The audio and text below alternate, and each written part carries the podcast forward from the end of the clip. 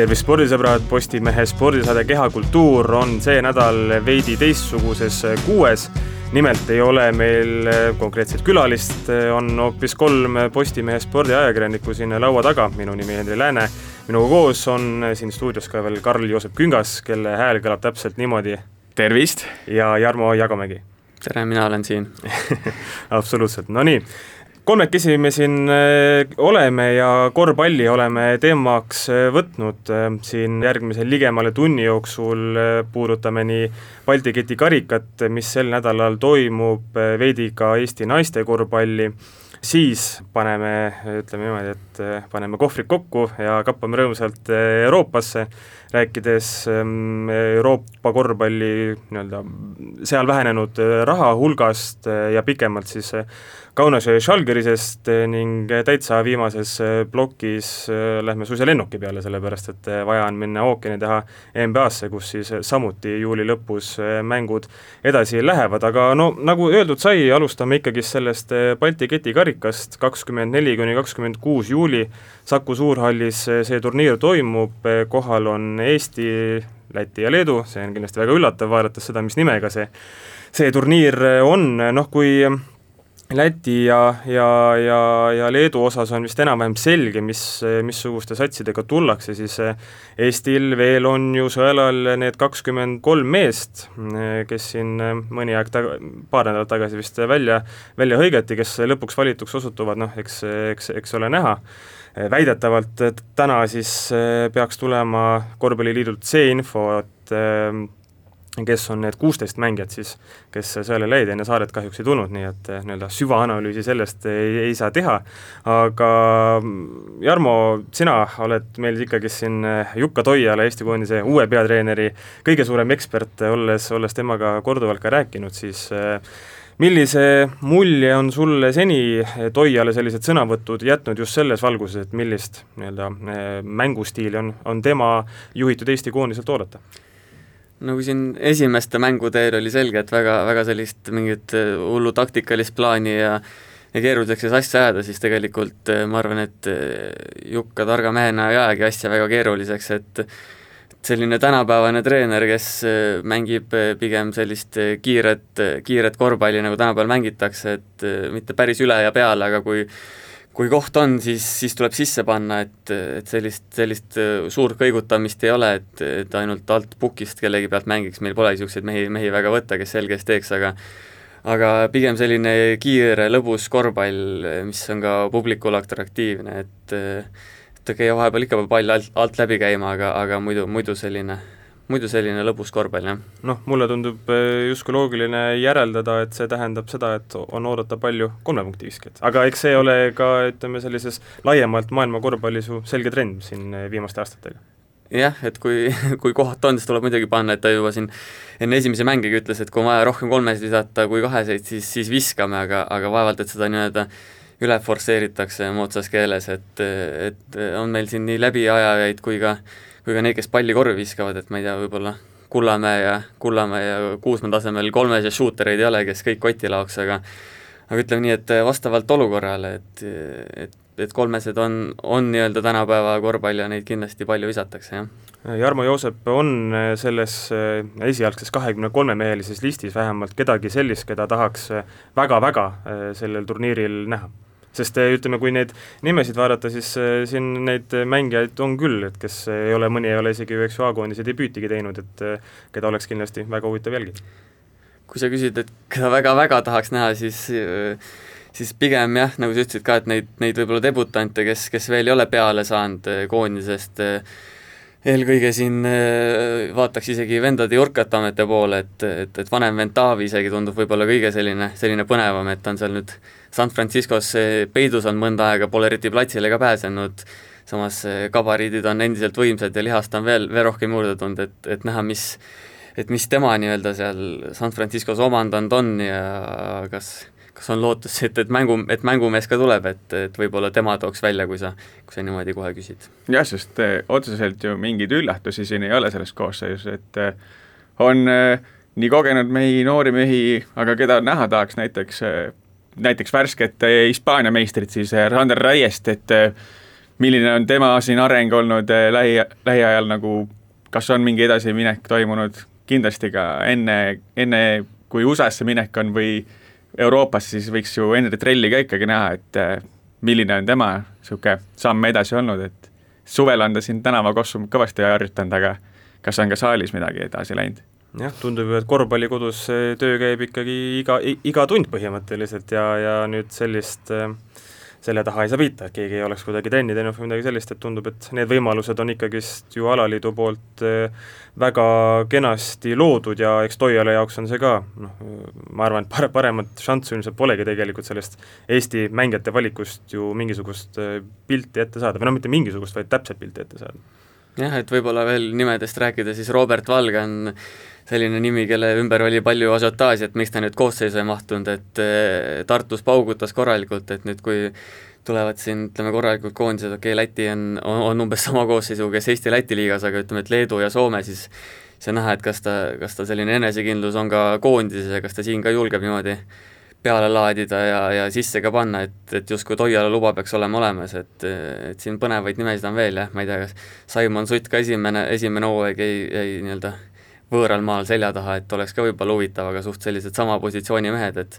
ilmselt kõik, kõik nagu kohe peale ei saa, aga, aga samas nii palju mänge ees, et saab siin roteeruda ka, et põnevat vaatamist on.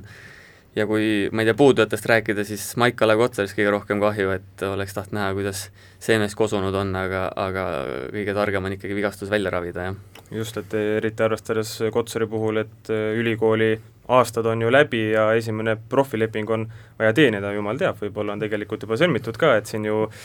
eh, kas ka vist eelmine või üle-eelmine nädal see mm, Sportandos portaalis uudis, uudis ju käis, et eh, Hamburg Towers siis, kui ma ei eksi, oli, oli, oli selle klubi nimi, kellega, kellega justkui olla kokkuleppele jõudnud, noh, eh, Jarmo, oled siin mm, kirjutanud meile eelmärkena, et, et sellest Kotsari potentsiaalsest minekust Saksamaa kõrgliigasse, et sellest eh, on justkui räägitud, et võiks midagi halba olla, aga, aga, aga ütled, et ei tasu üldse karta jah, et äh, pigem tuleks seda positiivse, positiivse noodina võtta, et okay,, on siin öeldud, et ma ei tea, Kalev Cramo võib-olla oleks, mängib tugevamas konkurentsis, aga aga väga mitmed mängijad on öelnud, et kui sa oled ikkagi eestlane Eesti klubis VTB liigas, siis see on midagi muud, kui olla, kui olla nii-öelda välismaalane VTB liigas, et, et seal on kerge koefitsient juures ja nii palju sind võib-olla tähele ei panda ja, ja olgem ausad, NCAA-st et äh, tulla VTB liigasse ongi võib-olla natuke selline liiga suur hüpe, kui me vaatame just siin tippe,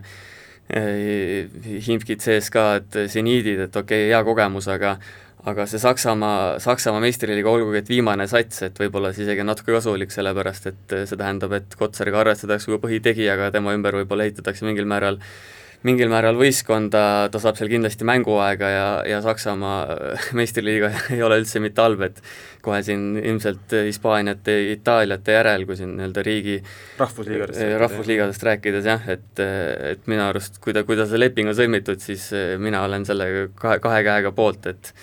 et see, et siin räägitakse mingisugusest NBA-sse minekust tema puhul on, on niikuinii, niikuinii üle ülemõtlemine, et ise on ka ju selgelt mõista andnud, et, et see on tal vara ja, ja pigem selline külge poogitud asi, et tulevikus kindlasti, aga praegu Saksamaa kõrgliigasse leping teenida suht jackpot, ma arvan, vaadates seda, et näiteks Nurger on ju aastaid mänginud siin Hispaania esiliigas, Kullamäe on Hispaania esiliigas, ilmselt seal ka jätkab, et siis Saksamaa on ju justkui, justkui jah, lotovõit selle kõrval jah, ja kui Kotsari puhul veel täpselt ei tea ju, kas see leping ikka on tehtud või mitte, siis eh, mõned Eesti koon-, koondislased on küll väljamaalt eh, saanud täitsa kenad kontraktid taskus, Siim-Sander Vene ja Janari Jõesaar siis Hispaania eh, kõrgliigas, Fuenlabradas Vene ja Jõesaar siis Paxi Manresa vist, sponsori nimega öeldes, see, see Paxi on nii vahva, vahva asi sinna, sinna ette panna, et tuleb ära öelda, noh, Hispaania rahvusliigana on ju kindlasti vaieldamatult Euroopa kõige tugevam ja, ja see, et eh, sellisel koroonakriisi ajal tõesti võimalikult eh, ki-, või noh, võrdlemisi kiiresti need lepingud saadi, aga ka korralike satsidega ei ole mitte midagi muud öelda, kui müts maha nii mängijate enda kui siis ka nende agentide eesvast. Jah, et mõlemad satsid on ka tegelikult nagu teise poole võistkonnad, aga jällegi see võib tulla kasuks, sellepärast et et ongi raske uskuda, et ma ei tea, Barssas või Realis oleksid, oleksid Jõesaar ja ja Vene põhitegijate hulgas, et, et, et vaikselt nii-öelda samm-sammult edasi minna, nüüd äh, Jõesaarel kindel tõestamiskoht pärast ebaõnnestumist Tenerifes, et, et et on ikkagi nii-öelda tõsine mängumees ja on nüüd koht näidata, et ei saagi kohe, kohe sinna tipu suunas ronida ja Vene nagunii teeb ilmselt oma ära, et tema on ennast tõestanud ja nii-öelda nime teinud, nime teinud piisavalt, et ma ei tea, tal ei olegi nii väga sinna Euroliigasse vaja enam, enam võib-olla ronida, kui tal on seal, ma ei tea, Hispaanias näiteks hea koht olemas, et et äh, üsna üllatav, et nii kiiresti paika sai, aga samas väga rõõmustav, jah. jah, Vene puhul ju peamine, et ei peaks joonejooksu edasi tagasi tegema, nagu seal Gran Canarial Äh, mõned kuud tehtud sai, no kolmas äh, veel mees, kes on äh, väga heast liigast ja sealjuures vist no ilmselt nendest kõige tugevamas klubis siis lepingu saanud Kaspar Treier, siis Sardiinia saare klubi Dinamo Sassariga, kes, kui ma ei eksi, vist kas kaks aastat tagasi või ei, eelmine suvi vist isegi tulid ju Itaalia liiga võitjaks ka, noh, Karl, millised muljed või, või, või tunded sind valdavad sellega, et, et Treier saab ikkagist esiliigast tul-, esiliigast tulnuna ennast kohe proovile panna väga, väga tugevas satsis? no tegelikult juba eelmine aasta oodati seda üleminekut kõrgliigasse, aga see jäi mingil põhjusel seal katki ja ja nüüd on tõeline tõestamise hetk, et saad seal kõvade meeste vahel ikkagi mütata nii trennis kui ka mängudes eeldatavasti ja eks siis ole näha, kui seal ikka hakkama saad, siis, eh, siis oledki juba tehtud poiss ja su nimi hakkab eh, Euroopas ikka ringi käima ja sul on eh, pakkumisi nii kõvasti, et lihtsalt ole mees ja tee ära ja kõik uksed on põhimõtteliselt valla pärast. on, kas saaks praegu üldse mingit moodi ka ennustada või kas, kas see oleks paslik, et milline võiks tema roll selles võistkonnas olla? eeldatavasti ta mingisugune põhitegija seal ei saa olema, kuna äh, lihtsalt eh, eeldatavasti sinna hangitakse nii, nii mõnigi legionär siis, kes hakkab seda kandvat rolli seal kandma, aga selline kümne minuti mees, miks mitte ja selle aja jooksul seal mõned punktid visata mõned lauad võtta ja ja sellega sa juba näitadki, et eh, sa suudad sellel tasemel mängida, sinuga arvestatakse edaspidi ja miks mitte näiteks seal järgmine aasta juba olla kõvem vend jah, et Treieri puhul ju ka noh, esiliigas on mõned hooajad mänginud, tundub, et see areng on olnud selles mõttes võrdlemisi loogiline, et samm-sammult, et esiliigas ka ikkagi eelmine hooaeg oli juba ju täitsa te-, no okei okay,, tegija vast ei taha öelda, see on natukene võib-olla ajakirjanduslik liialdus, aga ikkagist äh, rotatsioonis oli väga kindel koht olemas, vist oli kakskümmend minutit circa keskmiselt mänguaega, mis on, mis on igati, igati kena sõna, normaalne statistika ja kõik, kõik muud kellad-viled ka, aga koondises ta vist ju ei ole meil siin veel nii-öelda avanenud või me ei ole näinud sellist meest, keda me nägime või noh, seal Itaalia esiliigas oleme näinud. no kokkuvõttes see ongi natuke selline ebareaalne üleminek võib-olla, et mees, kes ikkagi on koondise ringis on ta aga selgelt ikkagi statisti rollis siis eh, ikkagi kõige kõvema diili tõmmanud ja on oht, et tõmbas kõige kõvema diili meie korvpalluritest. see hooaeg, et et neljateistaastaselt juba Itaaliasse läks, et võib-olla siis sealt on niimoodi silma jäänud, ta on nüüd nii-öelda Itaalia kodakonna, läheb oma mängijana kirja, et tahaks loota, et ta saab mängida, aga aga praeguse pealt tundub selline natuke, natuke ebareaalne loota, et ta kakskümmend minti mängib, aga mine tea, et et äh, väga paljud äh, Itaalia kõrgliiga klubid olid temast, temast huvitatud ja, ja oleks, oleks teda enda ridadesse tahtnud, et äh, selles mõttes, et ega ei ole, ega ei ole palju ta mänge näinud, ega sealt Itaalia esiliigast väga, väga ülekandeid Eestisse ei jõua, et et kindel töömees tundub, et loodame, et selle pealt siis õnnestub ka nii-öelda koosseisu murda ja ja jah, et ta nüüd juba lähebki juulikuus võib-olla ongi juba tänaseks võistkonna juures ja koondises seda praegu ei näe, et et jah, ei, ei saa samas ka midagi pahaks panna, et kui selline võimalus meistrite liigas mängida Itaalia kõrgliiga ühes paremas satsis, et siis andku tuld, jätku see koondise suu jah vahele. no see ongi see, et kuna klubi mängib eurosarja, et siis nagu äh, kõik need äh, mängijad ei suuda mängida kõiki mänge, et äh, seal tekib Itaalia liigas kindlasti mõned mängud, kus ta saab äh, põllule ja saab endale tõestas, tõestada ennast. jah, kui praegu näiteks Sassari siis selle hooaja koosseis välja võtta Vikipeediast, maailma suurimast teadmiste siis kuidas ma ütlen, sellisest teadmiste kogumikust, viimati seitsmendal juulil on siis uuendatud seda Sassari rosterit ja siin on vähemalt küll näha, et Reier on ikkagist selgelt kõige noorem mängija, noh mis selgelt, ta on kakskümmend ja üks ameeriklane Jason Burnell, kes siis väikest äärt peaks mängima, on kakskümmend kaks, aga kõik ülejäänud on juba vanemad, nii et eks see Treier kindlasti ole Sassaarile ka selline tulevikuprojekt, et ega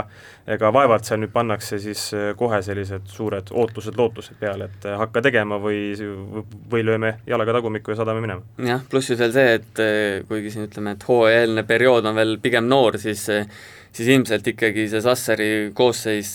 hõreneb nii-öelda tugevate mängijate poolest, et raha jääb vähemaks, tulebki,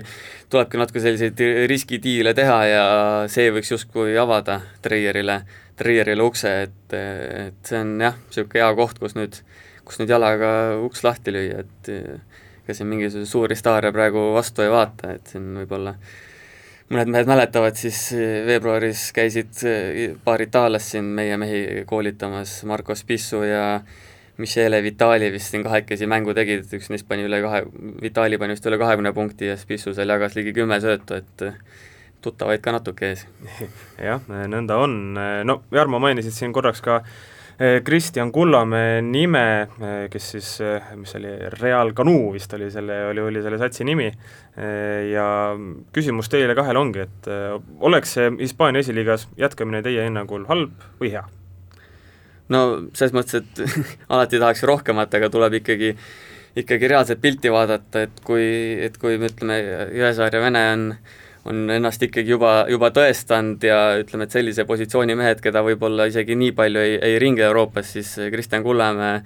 tagamees, kes nüüd ütleme, et tegi koondises kaks väga, väga korralikku partiid, aga aga ütleme, et tema positsioonil on konkurents päris suur seal Hispaania meistriliigas, näiteks ma kujutan ette, et isegi sinna tagaotsa klubidesse, et ma arvan, et see see samm Hispaania esiliiga siseselt üles on, oleks üsna loogiline jätkuda, nüüd suudaks seal ka üle kümne punkti ja ma ei tea, viis, kuus, seitse söötu keskmiselt jagada ja näiteks võidelda võidelda selle esiliiga võidu eest, siis eh, miks mitte, et see Mallorca klubi, kellega teda siin vahepeal seostati, et ma ise ei ole teda kätte saanud endiselt, et küsida, kas vastab tõele või mitte, et ilmselt kui oleks tõele vastanud, siis oleks juba kinnitust saanud, aga aga Mallorca klubi teda jahib, kellel on ka suured, suured plaanid eh, esiliigast üles tõusta, sealt Pablo Lasso isa Pepe palgati seal mingi asjapulgaks, kes on siis mõned spordisõbrad teavad, on äh, siis Kullamäe eratreener läbi, läbi selle agentuuri, kust, kust ta on ja võib-olla siis need sidemed kuidagi teda sinna Mallorcale viivad. jah, et äh, Hispaania kõrgliga üldse Euroopas on ju enamasti võetaksegi tagamängija ja näiteks keskmängija võetakse appi see välismaalt, et äh, tuleb sealt Ameerikast kiire atleetlik tüüp, see, see temaga ongi suhteliselt raske nagu eestlasel võistelda, et sa pead ikka konkreetselt äh, mingid, äh, mingid asjad peavad sulle ette olema näidata, et sa oled ennast tõestanud mingil tasemel. see, et sa seal Hispaania esiliigas äh, võid ükskõik mis numbreid näitada, aga kui teine tüüp tuleb näiteks ülikooli liigast suurepärase statistikaga, siis võetakse ikkagi selline mees ennem jah, nõnda on, seda räägivad kõik sportlased, kas me räägime korvpallist või millestki muust, et eestlasena on pahatihti ikkagi palju keerulisem kuskile püünele püünele jõuda, aga kui korraks ka, ka vaadata Lätit ja Leedut selle Balti keti karika raames, noh, nagu Jarmo korraga mainisid, siis äh, Läti koondis on küll suure, suuresti eelmise aasta Eesti-Läti liiga meestest äh, koosnev, mis millest nagu minul isiklikult on küll väga kahju, sellepärast et noh, neid mehi me näeme siin nüüd sügisel algaval hooajal ka jälle uuesti ja, ja oleme siin lä lähiminevikus ka näinud, et ega ongi ju utoopiline oodata, et Borsingised ja ma ei tea, Davis Bertans tuleks või midagi sellist, aga, aga ikkagist ähm,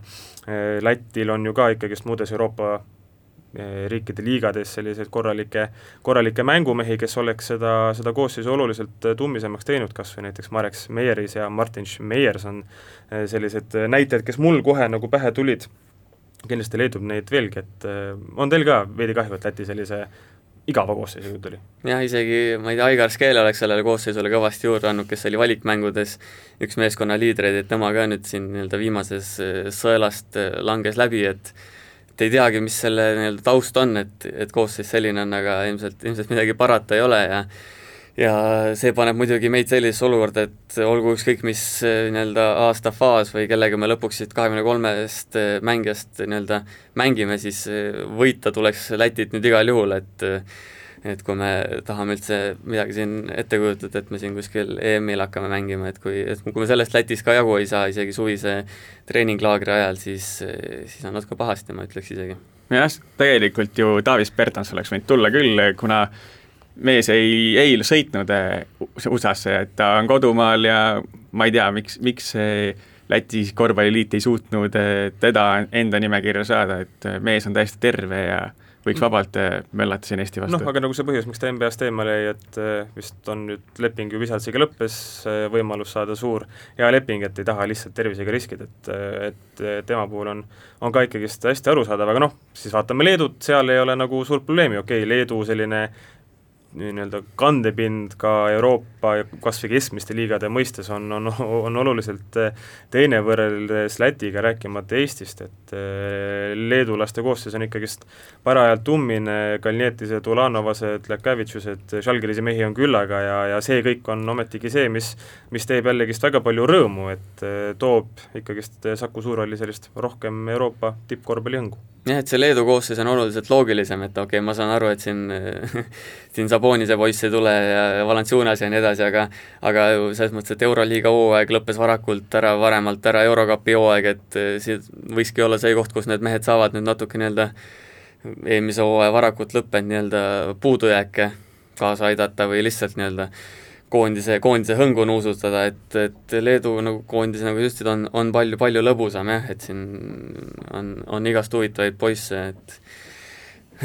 eesotsas siin noortemate tegijatega nagu Rokas Jokubaitis ka ja siin ütleme, ma ei tea, Pentsus ja Blasevits ja nii edasi, et neid nimesid on, on igast põnevaid, et neid, neid nägusid on kindlasti palju, palju huvitavam näha kui, kui Läti koondist, jah. jah, et Eestil, Eestil Leedu vastu läheb küll ikka väga raskeks, kuna seal on, nimed on nii kõvad, ütleme, Ulanovas näiteks seal korvi all eh, lükkab eeldatavasti iga eestlase sealt ära, et eh, no igat eestlast ei lükka ikka, selles mõttes no suuresti ta, tema mäng ka on nagu selge ees korvi poole ja seda, seda tema positsioonil ta on ikkagi üks kõvemaid selles Euroopas ja kes seal on näiteks tagant võtta veel Rokas Gedraitis, kõva mees kõva skoori, skoorija, et äh, Leedul neid mehi on kõvasti sinna panna. jah, et kui tuua paralleeli VTB ühisliigas, siis äh, noh, Eesti ütleme laias laastus on nagu Kalev Cramo, Leedu on selline noh, seniidid, imkid ja mu-, ja muud sellised, ja Läti on siis Riia VEF, kes muidugi VTB ühisliigas ei mänginud, nii et see näide läks igatahes suurepäraselt täkke, aga lõppude, kui võtame nüüd selle Balti eh, keti karikaploki kokku, siis eh, võime vast kõik nõustuda, et võit Läti üle, kaotus Leedule ja siis vähemalt tulemuste poolest võime rahule jääda. ja kui Leedut võidame, noh siis see on ainult eh, kirss tordil jah, põhimõtteliselt küll jah, et, et Leedu vastu oleneb ka ilmselt, ku-, kuidas kaotada, aga aga jah, nii, nii see nagu kõlaks, kõlaks üsna reaalselt, see eesmärk, jah. nõustun nii, ja lähme siit edasi siis naiste korvpalli teema juurde, noh, Arizona ülikoolis, mis on USA ülikooli korvpallis ikkagist äh, väga kõva nimi ja kõva tegija, ei mängi järgmisel hooajal mitte, või tähendab, järgmisel hooajal küll mängib ainult äh, üks mängija, see on siis Gerg Riisa, aga siis aasta pärast äh, läheb sinna ka Anna-Grete Asi, kes on noh, ütleme, kui mõelda Eesti naiste korvpallitalentide peale, siis ega viimasel ajal vist kedagi nii säravat ei, ei meenugi. jah, viimane, kes võib-olla oli, oli mingisuguse sarnase sarnase tähesäraga oligi Kadri-Ann Lass, kes oli ka siis, ma ei tea, minu andmetel üks esimesi, kes USA ülikooli läks vähemalt siin ütleme, et viimastel aastatel, et et tema justkui nagu tegi seal ülikooli korvpallis ka korralikke näitajaid, aga aga pärast seda on nagu, nagu pigem rahulikult karjäär kulgenud, aga tema ei olnud ka nii, nii kõvas ülikoolis ja ei läinud seal ka nii kõva ažiotaaži pealt sinna, sinna USA-sse, et Anna-Gret, nagu ma kirja panin, ongi siin üsna, üsna ükssarvik Eesti, Eesti naiste korvpallis, et neljateistaastasena oli juba naiste meistriliigas, viieteistaastaselt koondises ja eelmisel hooajal eh, Balti liiga suurim, suurim punktikutt, kus, kus ei ole üldse mitte pahad võistkonnad siin, ütleme, Riia naiskonnaga eesotsas, et et äh, nagu ta ema, treenerist ema Kaire ütles ka, siis ta võiks olla äkki selline naiste korvpalli eeskuju või selline persoon, keda, keda noored jälgivad ja ja kelle, tänu kellele võiks tulla mingi elavnemine naiste korvpallis, sest ma ei tea, enamus spordisõbrad ilmselt teavad, et Eesti naiste korvpall on ikka väga õnnetus seisus, et Merike Anderson on, aga rohkem ei ole? jah, põhimõtteliselt küll, et eriti kui nüüd rääkida siin kohalikust meistriliigast ka, et kolm satsi alles on jäänud, ükski neist ei ole isegi enam-vähem poolprofessionaalne, et selline põlve otsas nokitsemine, et seda, seda enam teeb, teeb tuju heaks, kui sellised Anna-Greti sarnased talendid esile kerkivad jah, ja nagu kahekümnenda juuli Postimehest ilusti lugeda saab, Jarmo, tegid Anna Gretiste sellest eh, peatsest Arizonasesse minekust ka, ka lookese, siis eh, ema Kaire on ikkagist tema sellel korvpalliteel olnud eh, väga tugevalt küljes ja seni tundub küll, et kõik on, on, on hästi läinud, et kõrvalt targutajaid pidi ikka palju olema, aga aga, aga ema on suutnud ikkagist tütart nii-öelda õigel rajal hoida, tundub jah, et Anna-Gret on terve elu siis äh, Tartus mänginud, kuigi võiks ju arvata, et mingil hetkel see jäi talle natuke, jääb talle natuke kitsaks, ma ei tea, Audenteses on ka tüdrukute, tüdrukute nii-öelda gümnaasium, kus kus peaks olema kõik, kõik parimad, aga päris, päris nii see seal ei käi ja päris, päris parimad seal koos ei ole, et nii-öelda koondistes käies ja, ja nii-öelda nii noorte kui, kui kui täiskasvanute koondise juures käies, siis on siin Tallinnast nii-öelda halvale teele meelitatud, kui nüüd võib-olla utreerida siin ema Kaire sõnu, siis siis jah, et tema on ikkagi arvanud, et tema teab kõige paremini, mis on tütrele õige ja ei saa talle ka praegu vastu vaielda, sellepärast et, et Arizonasse ta läheb, kes on eeldatavalt eh, top seitse kool järgmine aasta USA-s, et, et raske vastu vaielda, et eh, ema on teda treeninud siis nii, et ta saaks võimalikult mitmekesise tausta, teda ei pandaks raamidesse, ei surutaks kindlasse rolli ja ja tänu sellele ta ongi, ongi kasvanud äh, väga mitmekesise, osava, targa korvpallurina üles, jah jah, ja eks äh, noh, mm, Eestis mängides, äh, ma ei tea üldse, kuidas,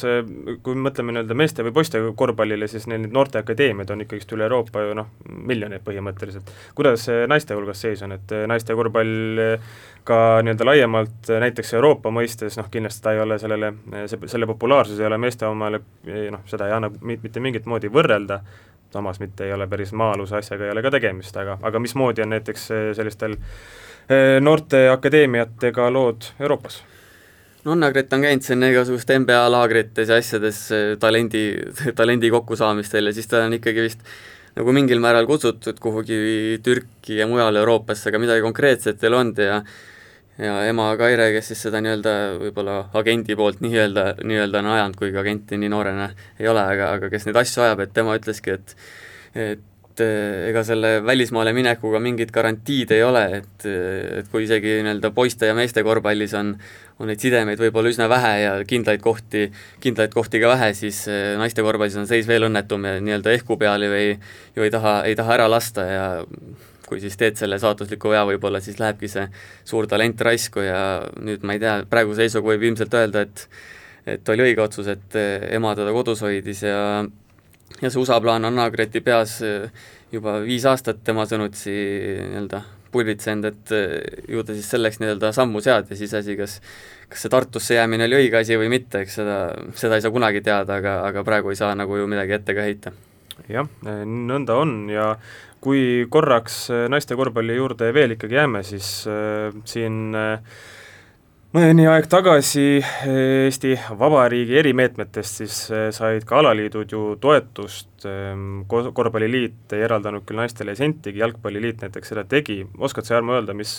võivad selle põhjused olla? no olgem ausad, ega, ega meeste korvpallis ei ole ka raha, nagu me teame, et see probleem on, probleem on laiem, aga, aga selles mõttes, et, et naiste korvpallile ei panustata, on on ühest küljest väga kurb, teisest natuke mõistetav, et siin ütleme, Eesti spordi väiksuse juures on ikka räägitud, et äkki peaks panustama mõnele, mõnele alale rohkem, mitte korvpallisiseselt, aga üleüldse, et et, et ju siis korvpalliliidus ongi seda teed mindud, et, et naiste korvpall siis vireleb kuidagi ja kui saavad hakkama, siis saavad, siis on, siis on hästi, aga aga sinna, sinna eriti ei panustata jah, et äh, Kaire asi siis, kes on Tartu treener, rääkis mulle ka, et, et ega see koroona otseselt väga palju ei mõjuta, et nagunii kelle, kellelegi Tartus palka, palka ei maksta, et äh, kui jõuad, noh, ülikooli toetus on seal olemas, et kui sa jõuad ülikooli, ülikooli ikka, siis sulle makstakse vähemalt, makstakse vähemalt sõit kinni ja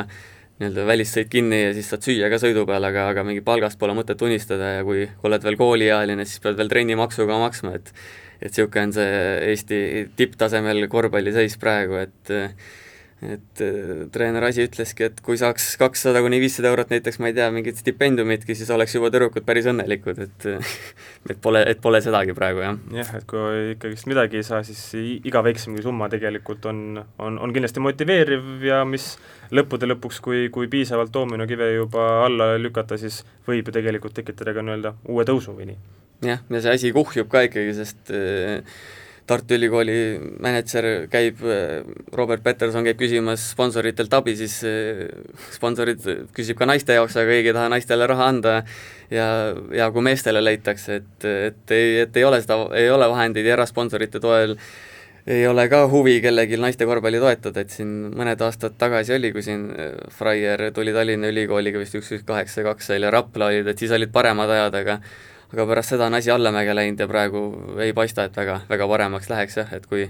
kui vähegi tahad korvpalluriks saada Eestis, siis tuleb peale gümnaasiumi lõppu siit igal juhul varvast tõmmata, jah.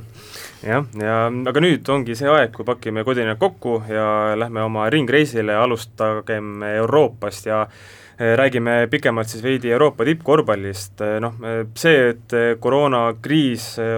on pannud põntsu ja eeldatavasti paneb sügisel eh, veelgi kõvema põntsu, on ju räägitud igal elualal ja ega siis sport ja ja korvpall samuti sellest eh, kuidagi mööda ei ole, ei ole saanud ja, ja kui mõelda kas või ainuüksi Euroliiga tippude peale, siin eh, kohe tulevad meelde Istanbuli Fenerbahce, Moskva CSKA ja ja Barcelona, siis nende kolme klubi näitel juba Euroopa tippkorvpallist kaob üle paarikümne miljoni euro, et siin Fenerbahce president Ali Koch ütles, et kui eelmine aasta nende eelarve oli kolmkümmend miljonit USA dollarit, siis see aasta on selline kaheksateist kuni kakskümmend miljonit, noh, Fenerbahce puhul muidugi tegemist on väga suure spordiklubiga, ja seal on noh, kõik jalgpalliosakonnad ja nii edasi ja nii edasi, et, et Fenerbahce ise on ka sellises väga, väga suures võlas, nii, nii et ega see koroonakriis tegi, tegi ainult halba. Moskva CSKA president Andrei Vatutin rääkis, et nende eelarve kahaneb kakskümmend viis kuni kolmkümmend protsenti, olenevalt siis sellest kõigest, mis täpselt juhtub, mida me täpselt ju ei tea, et et see Vatutini arvamus oli, oli suuresti eeldus, aga, aga, aga noh, ei ole mingit põhjust arvata, et et nõnda ei lähe ja noh, kui mõelda, et isegi CSKA-st läheb niimoodi kõvasti raha ära, et CSKA ometigi on ju aastaid olnud selles rahamägede, rahamägede tipus saanud põhimõtteliselt võtta, keda nad tahavad, noh kui nüüd, kui nüüd seda suve vaadata, siis Tornik Ješengeli ja Nikola Milutinov ju ka tulid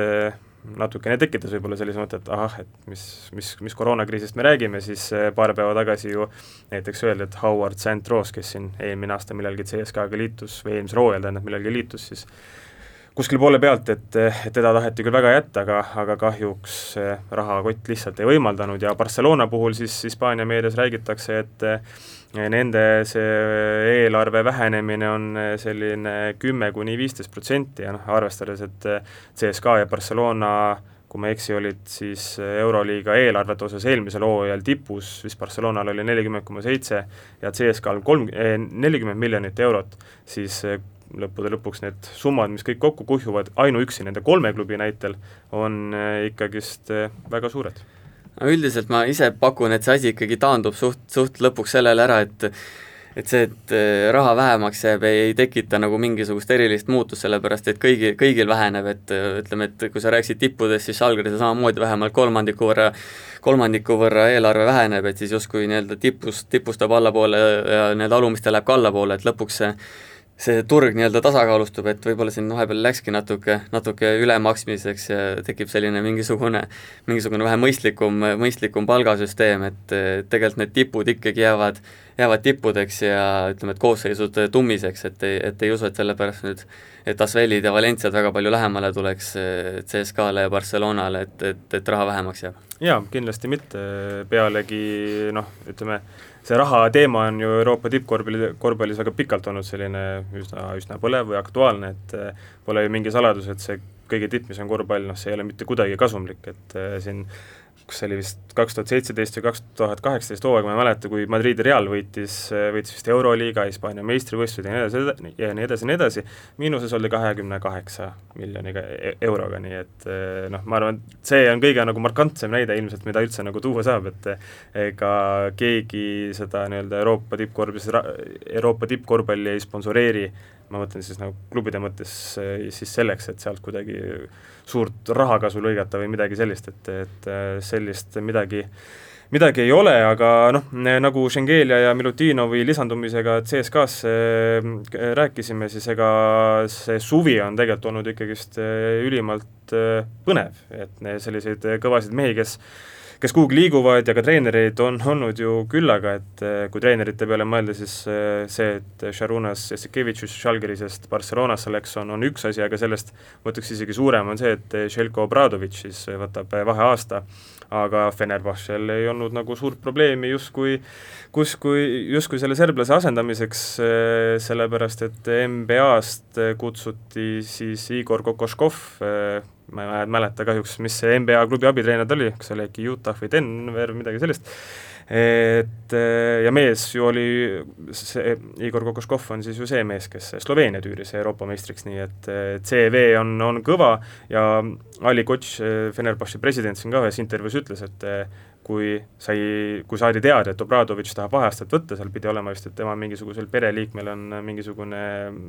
raskemat sorti haigus või midagi sellist, Obradovitš lubas, et ta ei, selle vaheaasta jooksul ei lähe mitte ühegi teise klubi juurde, ta aitas veel Fenerbahcet siis ka selle uue treeneri leidmisel ja vist kokku läks siis viisteist päeva selle ajaga, et, et Kokoškov äh, allkirja lepingule paneks, nii et äh, selles mõttes tuleb küll Fenerbahce ees ikkagist müts maha võtta. jah, ja kohe on huvitav vaadata ka, et tegelikult justkui tundub, et Fenerbahce nii-öelda nimekiri võiks, võiks minna natuke lahjemaks, et siit Tome, Laverne, Kalinic, Williams, Nannali, Malcolm Thomas on, on lahkunud, aga, aga kui selline treener tuleb, tuleb etteotsa, siis siis nagu on raske uskuda, et nad jälle vähemalt play-off'i koha eest ei mängiks, et ma ei tea, Edgar Azulanovas on on üks põnevamaid täiendusi Fenerbahces, kes, kes võib-olla ei ole selline nii-öelda särav staar, kes nii-öelda esikantele mahuks, aga kindlasti selline tähtis lüli, kelle, kelle ümber saab, saab meeskonda ehitada nii rünnakul kui kaitses, on ta, on ta, on ta, on ta nii-öelda tegija ja kindel mees, et et võib-olla ongi huvitav vaadata, et mis sellest Fenerbahcest nüüd saab, et tegelikult vist jutud räägivad, et esimene, esimene kandidaat peatreeneriks oli ikkagi Sarunas Jassikevitsus, kes, kelle siis Barcelona ära nappas, näp-, näppas, et sai siis, ma ei tea, selline väike patriotism sai võitu võib-olla. jah, et Euroopa korvpallimeedia rääkis ju ka, et Fenerbahce siis Assikevitsusele pakkus üks koma viis miljonit, ma ei mäleta, kas oli dollarit või eurot aasta peale, Barcelona pakkus miljoni, nii et ikkagist oluliselt selgelt väiksem summa, aga noh, raha pärast Assikevitsus muidugi ei, ei, ei pea muretsema ja, ja, ja see kindlasti tema, tema otsuseid ma arvan, et eriti üldse ei mõjuta või, või kui kuidagi mõjutavad, siis mitte äh, mitte väga palju, aga kui siin juba eh, Leedu, leedulaste juurde jõuda, siis, eh, siis võtamegi selle Žalgirise ette kõikide eestlaste lemmikklubi, eh, Euroliigas vähemalt, peaaegu, peaaegu kõikide, mm, nii et see, lisaks sellele, et Jassikevitšus on läinud, ka uue treeneriga läks, leidmisega läks natukene aega, plaan plaanid A, B ja C, keda nad leedulastest tahtsid, läksid, läksid kõik vett vedama, ei teagi, kas, kas Donaldas Kairis natukene kahetses ka, et Ritasega lepingu tegi, et äkki, äkki oleks mingisugune šanss olnud. No mine tea, vist, vist ei. jah, aga väljamaalt ju samamoodi plaan A, ehk siis kus oli Ertugul Erdoğan, kes Galatasaray treener on, ka ütles, et ei, mina tahan oma meestega jätkata ja siis võetigi lõpuks NBA tütarliigast, G-liigast austerlane Martin Schiller, no see on ka selline eh, noh, Schiller oli ju, üks aasta oli G-liiga parim treener ja kõik särki-värki, G-liigas eh, võistkondade mängijad vahetuvad eh, väga palju võistkondades, noh, Euroopas võib juhtuda täpselt sama asja. et selles mõttes Schiller tundub justkui olevat ju täitsa selline intrigeeriv valik, samas mõtled, et austerlane ja, ja mingisugune suur korvpallitreener, no ei lähe nagu kokku, aga ütleme niimoodi, et et head oskused ei tunne rahvust. no ma sinna Peep Pahvi demagoogiasse ei langeks, et ma nüüd hakkan rahvusjärgi treenerit hindama, aga aga ütleme nii, et tundmatu suurus üsna, üsna on, aga aga selles suhtes, et äh, Žalgirise puhul tulebki seda silmas pidada, et mingeid riske tuleb võtta, sellepärast et nad on Euroliiga üks madalaima eelarvega klubi ja olgem ausad, ega, ega neil eelmistel hooaegadel, kui Jassikevitsus siin kivist vett välja pigistas, neil polnud ka absoluutselt esimesesse poole kuuldu, esimesse poole kuuluval tasemel nii-öelda roster, et, et et ma ei tea, oleks näiteks, näiteks Obradovitši Žalgirise peatreeneriks pannud ja sellise, sellise nimekirja talle kätte andnud, siis võib-olla sealt poleks tulemust tulnud, aga kui ütleme, treener on nii-öelda ühel tasemel mängijatega ja koos kasvatakse, nii-öelda saadakse need vitsad kätte, siis,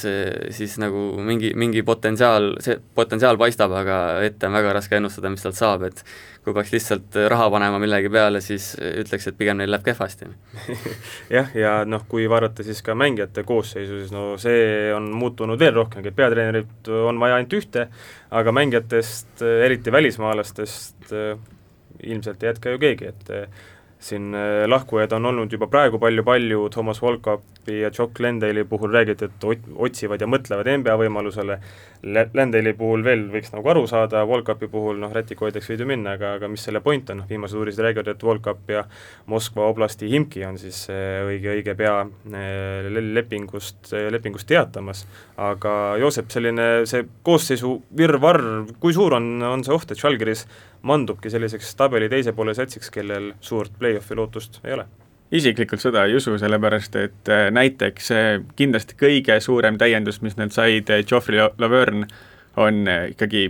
väga kõval tasemel mängumees, et okei okay,, tal on selle suhtumisega vist veidi probleeme, sellepärast et ta ei püsi üheski võistkonnas väga kaua, et kui uus treener suudaks ta nii-öelda siis raamidesse suunata, siis tema on kindlasti nagu äh, üks tugitala, kes peaks hakkama seda kõike vedama seal ja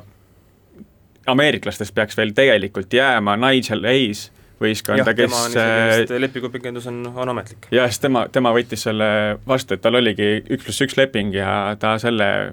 sellega nõustus, vist oli seal, et väike palk, palgakärbe tekkis, aga nii vist on suurt, suurtes võistkondades kõikidel. aga mina küll ei näe, et nad kuskile ära langeksid või et kindlasti eesmärk peab olema play-off ja ilmselt nad sinna jõuavad ka, vähemalt minu arvates niimoodi. Ma ei nõustu absoluutselt Joosepiga, kui ma peaks praeguse, praeguse olukorra pealt vaatama, et eh, need nii-öelda täiendused, loeme ette ka Steve Vastuur ja Toomas Tiimsa, Marek Plasevitš, Rohvi Lavern ja Augustin Ruubit, et tegelikult käekiri on üsna sarnane kui eelnevad hooajad, et niisugused nii ja naa legionärid, kellest siis Jassikevitsus hakkab, hakkab vormima just sellist löögirusikat, aga ma kardan, et Schilleril need asjad nii, nii libedalt ei lähe, et, et ma arvan, et siin ütleme, et palju neid klubisid on siin, kaheksateist klubi on meil Euroliigas, et ma arvan, et mingisugune need viisteist, kuusteist saavad kindlasti tugevama nii-öelda paberil võistkonna kokku, et kui see Schilleril tõesti mingi X-faktor kohe tööle hakkab, siis on see play-off, play-off nagu loodetav, aga, aga kardan, et mitte, et et praegu pole isegi ühtegi, ühtegi liidrit siin võistkonnas ei paista, et okei okay,, kui Volkap jääb mingi ime läbi, siis tema võiks olla, aga aga ma ei tea, Laverne on ka pigem selline rollimängija, okei okay,, väga-väga tuntud ja nimekas mängija, aga pigem rollimängija, kes, kes teebki oma töö ära, aga tema võistkonda vedama ei hakka, et ma ei tea, siin ütleme, et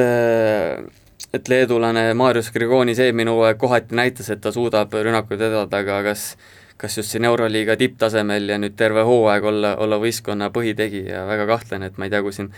õnnestub tõmmata mingi jackpot veel tahaliini, keegi, kes rünnakutel toimetab, siis võib olukord paremaks minna, aga praegu, praegu tundub selline pigem lappimine ja ma ei tea, eks siin võib-olla leedukad oma poisid saavad, saavad võimaluse, aga aga tunduks nagu loogilisem, et Jassikevitsus all nad avanevad kiiremini kui Schilleri all, aga mine tea, et see on tundmatu suurus, nagu sai räägitud. jah, ja võib-olla on Schiller nii hea, et tegelikult teebki jälle mingisuguse vägeva hooaja, aga siis on jälle probleem, hakka jälle treenerit otsima, et Jassikevitsus, ma usun kindlasti hooaja vähemalt tegi kindlasti nagu veel siis nii-öelda eelnevate tulemuste või sellise hea sünergia nagu pealt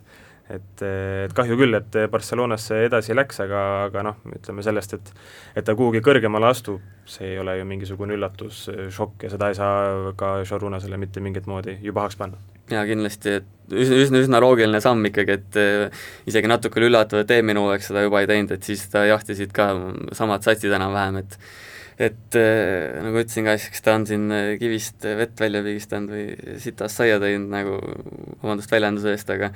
aga eks ta, eks tal oli aeg edasi astuda, et muidu ta oleks ka võib-olla manduma hakanud natuke, jah. jah, ja pealegi noh, Barcelonas ütleme,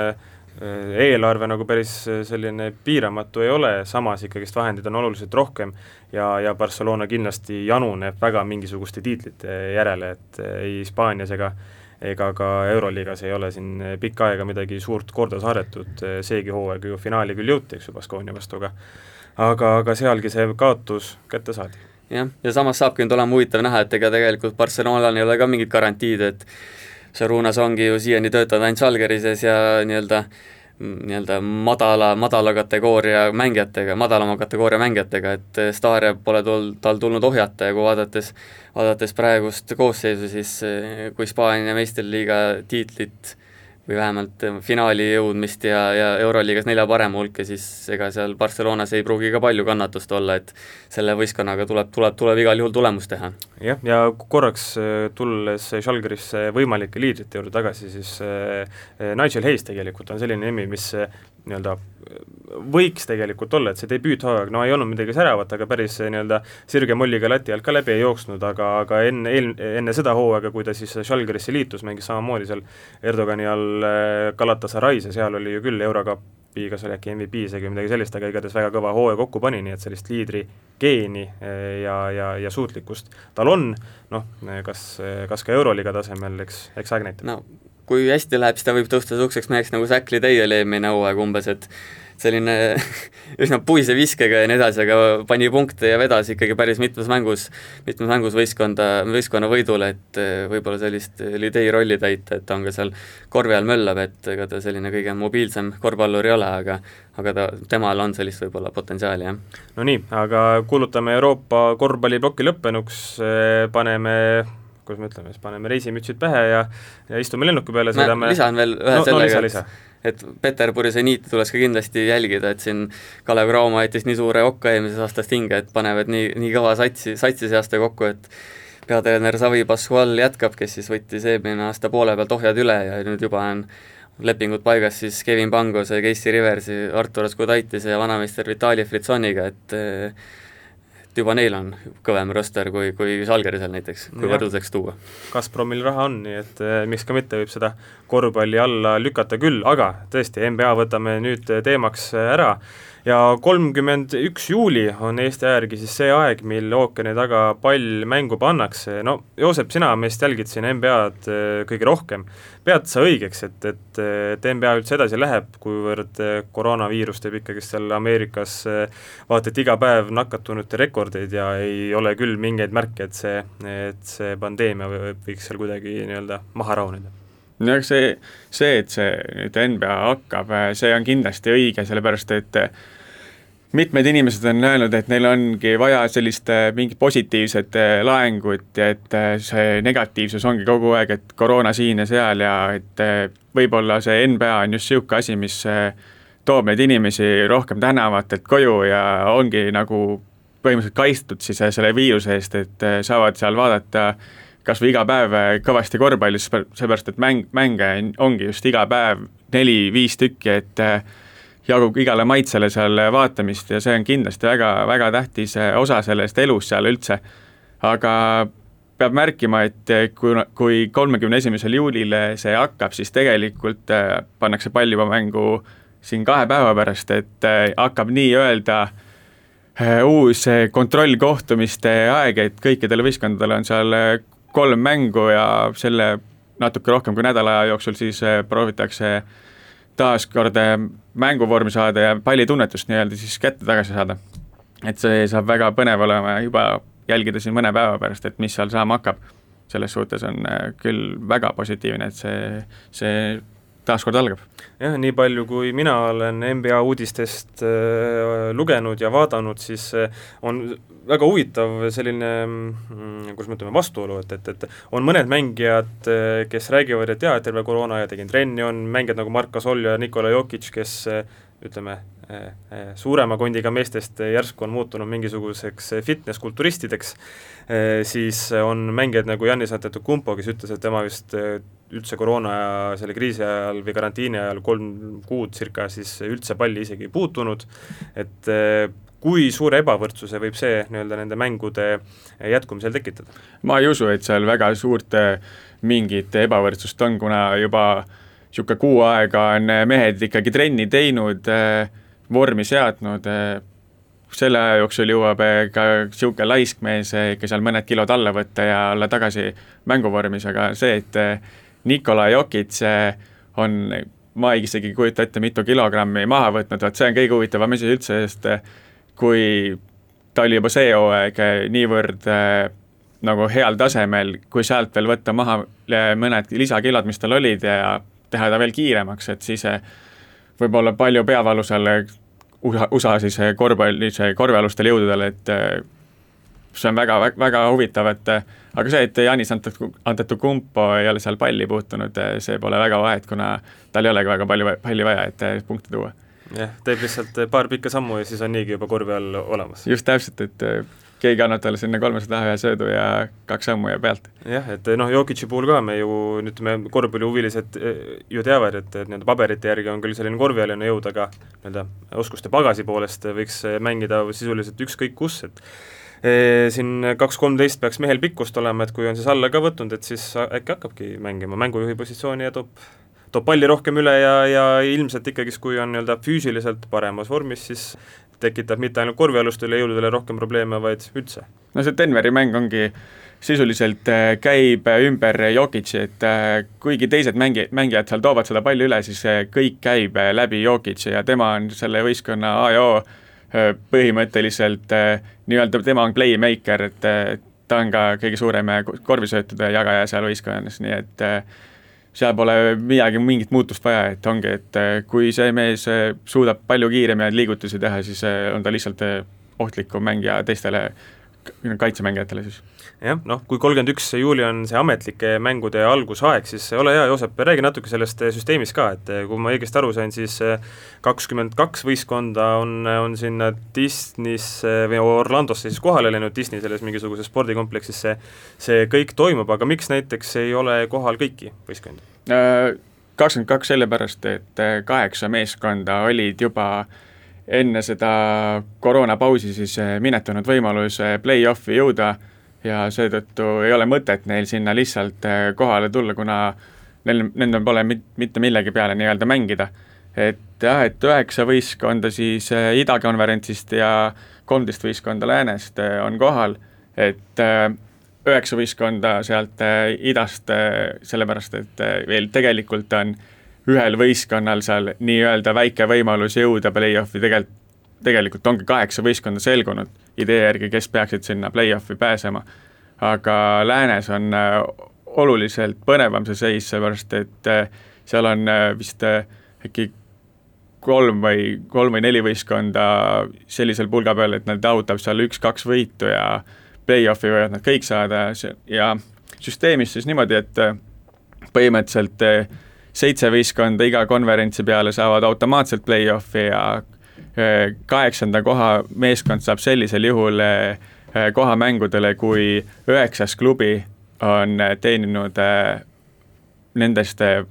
neli võitu, ei, viis võitu vähem. kui on nende, nad lähemal kui neli võitu, siis, siis nad peavad mängima omavahel veel siis lisa, lisaturniiri nii-öelda kus mängitakse kaks mängu või üks mäng, kui kaheksas võistkond peaks võitma üheksandat esimesel mängu, esimese mängu korral, siis on automaatselt see üheksas väljas. aga kui üheksas võistkond suudab äh, kaheksanda võistkonna kaks korda alistada järjest, siis on nemad hoopis play-off'is. noh, et selline, selline süsteem, et võiks plakati panna kuhugi seina peale puust ja punaseks ja sealt neid niite ja harusid lihtsalt tuleb nii palju, et et lõppude lõpuks paha hakkab, aga kuna saateaeg eh, siin kindlalt jookseb lõpupoole, siis eh, viimase küsimusena, keda peaks siis sellel nii-öelda NBA restardil favoriitideks pidama? Äh, favoriidid on ikkagi endiselt need, kes põhijooajalgi lammutasid kõvasti, et kaks Los Angelese klubi Lakers ja Clippers, ne-, nendele ei ole oluliselt äh, ka lahjemaks jäänud äh, võistkond, kuigi Lakers pidi loobuma äh, nii-öelda siis varu tagamängijast Avery Bradley'st, kes on nagu oluline kaitse, kaitsetöömees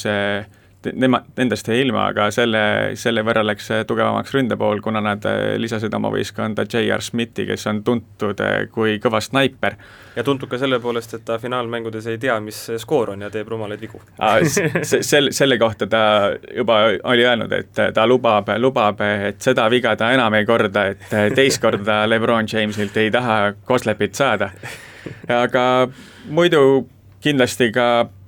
siis ida poolt eh, Milwaukee Bucks, Giannis Antetokounmpo eeldatavasti võidab teist korda järjest sellel hooajal kõige väärtuslikuma mängija au, auhinna ja nendel on suur võimalus eh, tulla meistriks, kuigi ka alahinnata näiteks Toronto Raptorsit, valitsevat meistrit, kes jäid küll ilma Kawhi Leonardist sellel aastal, aga meeskond ei ole karvavõrdki nagu kehvemaks selles suhtes jäänud, et seal on kerkinud esile Pascal Siakam, kes on teinud karjääri kõige parema hooaja. aga noh, kindlasti nii mõnigi eestlane ja ka eurooplased hoiavad pöialt Tallas Mavericksile, nendel on ka vägev selles suhtes, et on hindu täis nende suurim tähtis Luka Doncic, kes on öelnud, et tema isegi kaalunud seda võimalust, et ta ei lähe sinna Orlandosse kohale, et tal oli selge siht, et ta tahab Kossu mängida ja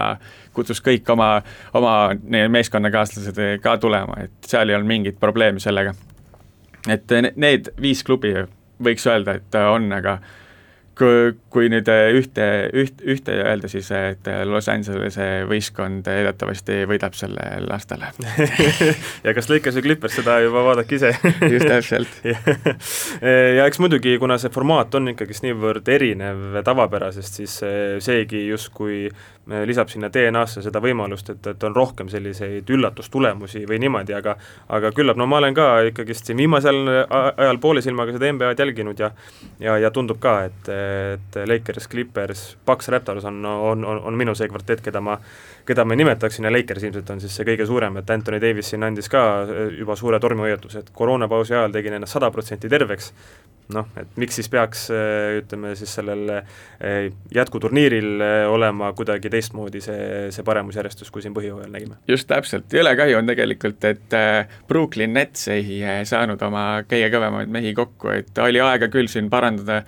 enda tervist nii Kairi Irvingul ka, kui ka Kevin Durantil, siis tegelikult mees on valmis platsile tulema, aga lihtsalt ta ei taha sinna Orlandosse minna. Ja Brooklyn Nets on üldse niisugune võistkond, kes no kuna seal oli nii palju ka neid koroonajuhtumeid, see oli üks esimesi võistkondi, kus sealt hakkas see virvarr pihta, siis eh, nende read on ikkagi väga kõvasti hõrenenud ja see ongi üks, üks võimalus näiteks Washington Wizardsile, kes on praegu üheksandal kohal idas, et äkki, äkki Nets kukub nii kõvasti ära, kuna sealt eh, nendel on põhitagamängija Spencer Dinwiddie otsustas, et ta ei tule, kuna nakatus koroonaviirusesse ja ka Äh, keskkorvi all siis DeAndre Jordan, et need nimed on NBA maastikul ikkagi väga-väga olulised mehed on absoluutselt, vot, aga loodame, et sellest circa tunnisest korvpallivestlusest saite kuulajad teada nii mõndagi uut või siis mõte hakkas käima mingitel, mingite asjade puhul, meie igatahes täname väga, hoiame korvpalliteemadel ikka, ikka silma peal ja, ja kui taas midagi vahvat mõtet tekib, siis tuleme ikkagist uue kehakultuuri korvpallieriga justkui, justkui välja, aga aitäh kuulamast ja mis seal ikka, kohtume täpselt nädala pärast uuesti. Gotham. Um